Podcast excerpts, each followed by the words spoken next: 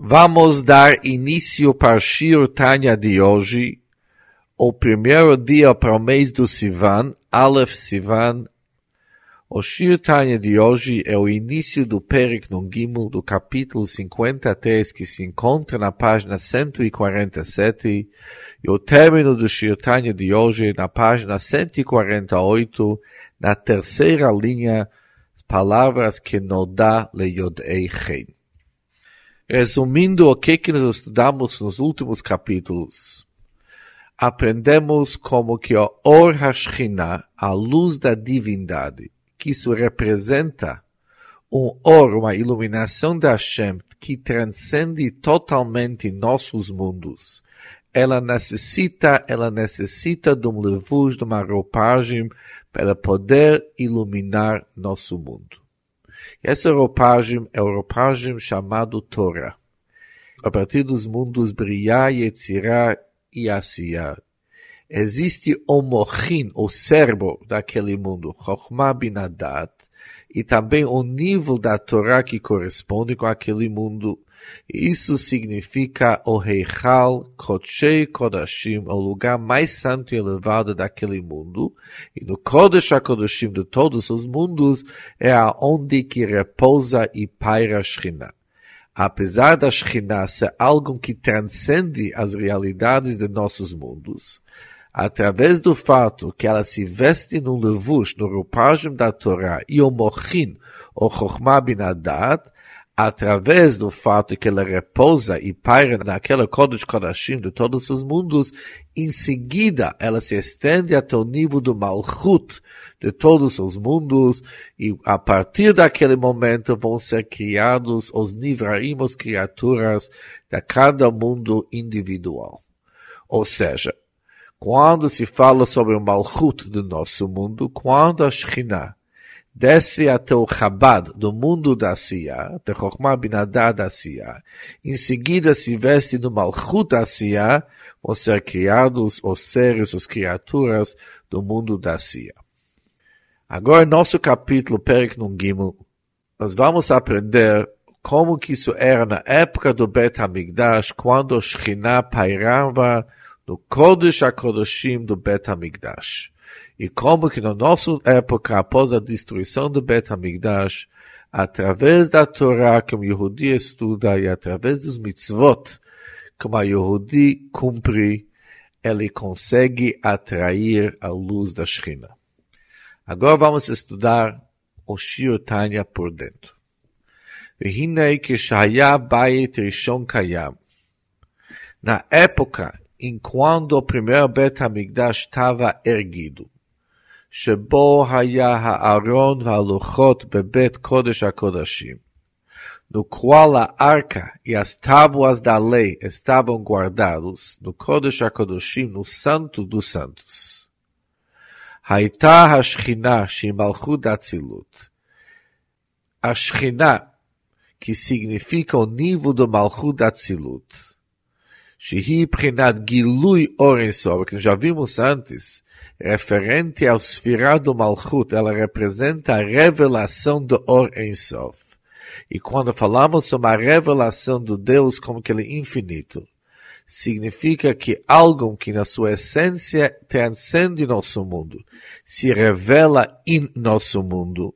Naquela época do Beit Rishon, do primeiro Beit HaMikdash, quando o santuário estava erguido, Shoresham, ela repousava no Kodesh HaKodashim, umlubeshet baseret hadibrot. Estava investida nos Dez Mandamentos. Beyeter se'ed yeter az. De uma forma muito mais forte e superior. Begilui ra ve'atzum yoter. E com revelação maior e mais poderosa. מגילויה בהיכלות קודש קודשים שלמעלה בעולמות עליונים. Revelação maior e mais poderosa que sua revelação nos câmaras dos Kodesh HaKodashim, do Santo das Santos acima mencionado. Ou seja, nos mundos da Siyah e Yetzirah. Que logo vamos ver que isso corresponde justo com os mundos da Siyah e Yetzirah apesar que existe um nível de Shekhinah, que após se vestir no Kodesh HaKodeshim do Olam Abriya, e após se vestir no Malchut de Briya, ela consegue depois iluminar o Heichal Kodshei Kodeshim do mundo de Yitzirah. Mas, em comparação com o Shekhinah, que repousava no primeiro Bet HaMikdash, ela era mais forte, mais poderosa e mais revelada do que o próprio Kodesh HaKodeshim do mundo de Yitzirah.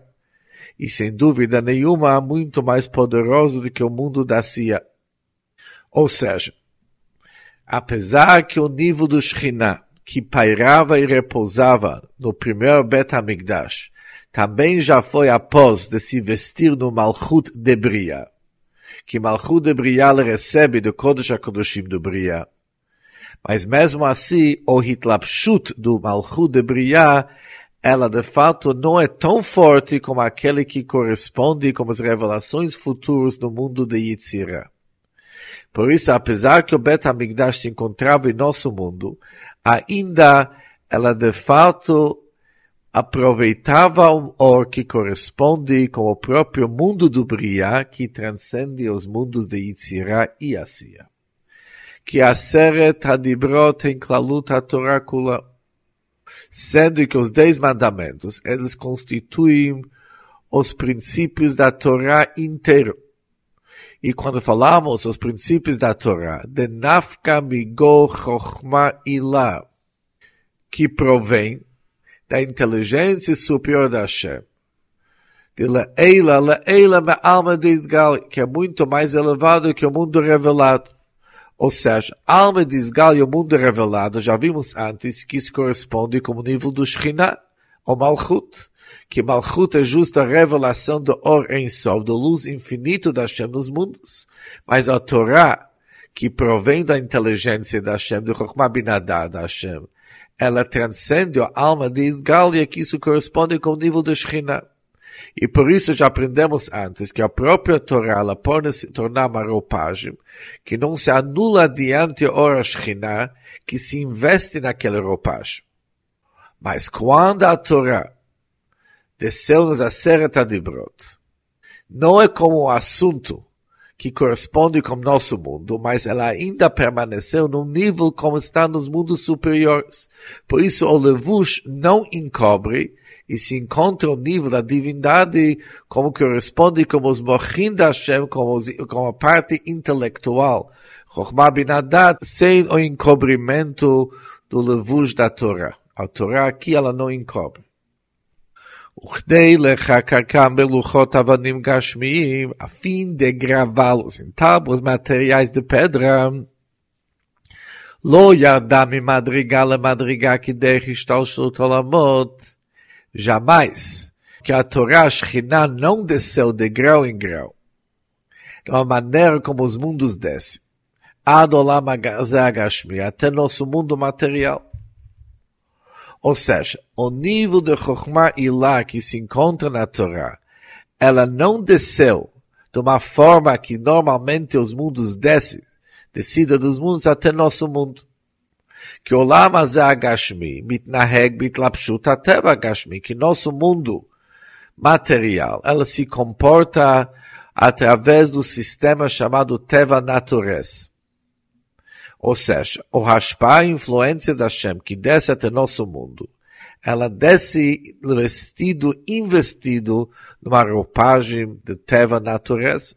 Mas os Luchot, nada disso aconteceu. Ao contrário, Valuchot Masei Elokim Heima. Os Luchot era uma obra de Deus. Vamichtav Michtav Elokim. E a escrita era uma escrita do Deus uma escrita onde que deu para ver de uma maneira revelada a divindade. Lemala mehateva sholam agashmi. Lemala mehateva sholam agashmi. Bem acima da natureza do nosso mundo. Era aquele que nós chamamos o sistema do Nes, lemala minateva. הנשפע מהארת השכינה שבהיכל קודש הקודשים, da Quando falamos Teva, o Teva ela é um derivado influenciado de uma irradiação do Shekhinah que se encontra no Reichal Kodesh HaKodeshim do mundo da Asiya, Shemimena, do Harata Shekhinah, da iluminação do Shekhinah, se estende uma vitalidade para o mundo da Asiya. Que nosso mundo, Gamolé, mas é que nosso mundo faz parte do mundo da Asiya. Por isso, todos eles recebem o mundo da Asiya, incluindo o Olam, mas é nosso mundo.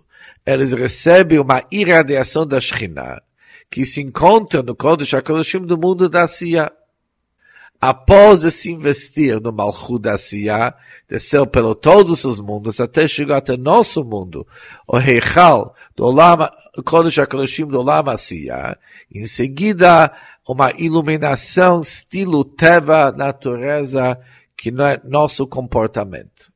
Mas quando falamos sobre os Luchot, é totalmente diferente. É Masei Elohim, é uma obra do Deus escrito, escrito do Deus. Significa, Prinat Chokhmah Ilah da Tzilut. Isso corresponde com o nível do Chokhmah Ilah. Nitlapshá bemalchut Atzilut udebria levadam. Somente se investiu no Malchut Atzilut. Em seguida se investiu no mundo do Briá. E termina no mundo do Briá, sem se investir nos mundos de Yitzhak e Asiya. Vehei levadam e somente Chokhmah da Tzilut, como que ele está vestido em Malchut da Tzilut. Malchut da Tzilut, como que está investido em Malchut de Briah, eles são Hamiuchadot Be'oren Sol Shebetocham, eles são unidos como luz da Hashem infinito que se encontra neles. E eles que são chamados Beshem Shekhinah HaShoreh Bekodesh HaKodeshim de Bayit Rishon. Eles são chamados o nome do Shekhinah, que repousava no Kodesh HaKodeshim no Bayit Rishon al idei hitlapshuta biyud hadibrot, através do fato que o Malchud Atzilut, investido no Malchud de Briah, se investiu nos Yuda de Nasser, nos dez ditos que tem, que são gravados no Luchot Shebaron benes, que isso foi feito de uma maneira milagrosa. Conforme disseram nossos sábios, que a letra Mem e Samach que se encontravam no Luchot, a forma que eles permaneceram nos Luchot era totalmente milagrosa. Que sendo que a forma que eles gravaram as letras, que as letras foram gravadas no Luchot era de um lado para outro lado. Por isso, a parte interior, tanto do letra Mem e Samach, não tinha onde que se pegar. O fato de eles permanecer no seu próprio lugar era um milagre o Masei Elohim Chaim. É uma obra do Elohim Chaim, que o Elohim Chaim corresponde com a esfera do Binah da Tzilut. Que Binah da Tzilut, o alma de escácia. O nome do Deus chamado Elohim Chaim quando falamos qual esfirá é o esfirá do Elohim eterno e vivo, isso é o esfirá do Binah da Tzilut, e conforme nós sabemos, o Binah da Tzilut, ela corresponde com o mundo do Bria. Por isso, concluímos o Shirtanya de hoje. Sabemos o seguinte, que o nível do Kodesh HaKodeshim, no Bet HaMikdash, e nosso mundo, o Shekhinah que pairava no Kodesh HaKodeshim, era um nível tão elevado que transcende totalmente os mundos de Yetzirah e Asiya. Ou seja, para chegar até Kodesh HaKadoshim da Asiya, isso tem que passar pelo processo do Kodesh HaKadoshim do Yetzirah, depois Malchut de Yetzirah, Kodesh HaKadoshim da Asiya e Malchut da Asiya. Mas em contrapartida, o Kodesh HaKadoshim que se encontrava no Bet HaMikdash, ele era uma extensão do Malchut de Briah, do Malchut de Briah veio direto para o Kodesh HaKadoshim, sem passar pelo Kodesh HaKadoshim do Yitzirah, pelo Chabad da Yitzirah, mas direto do Malchut de Briah veio para o Kodesh HaKadoshim.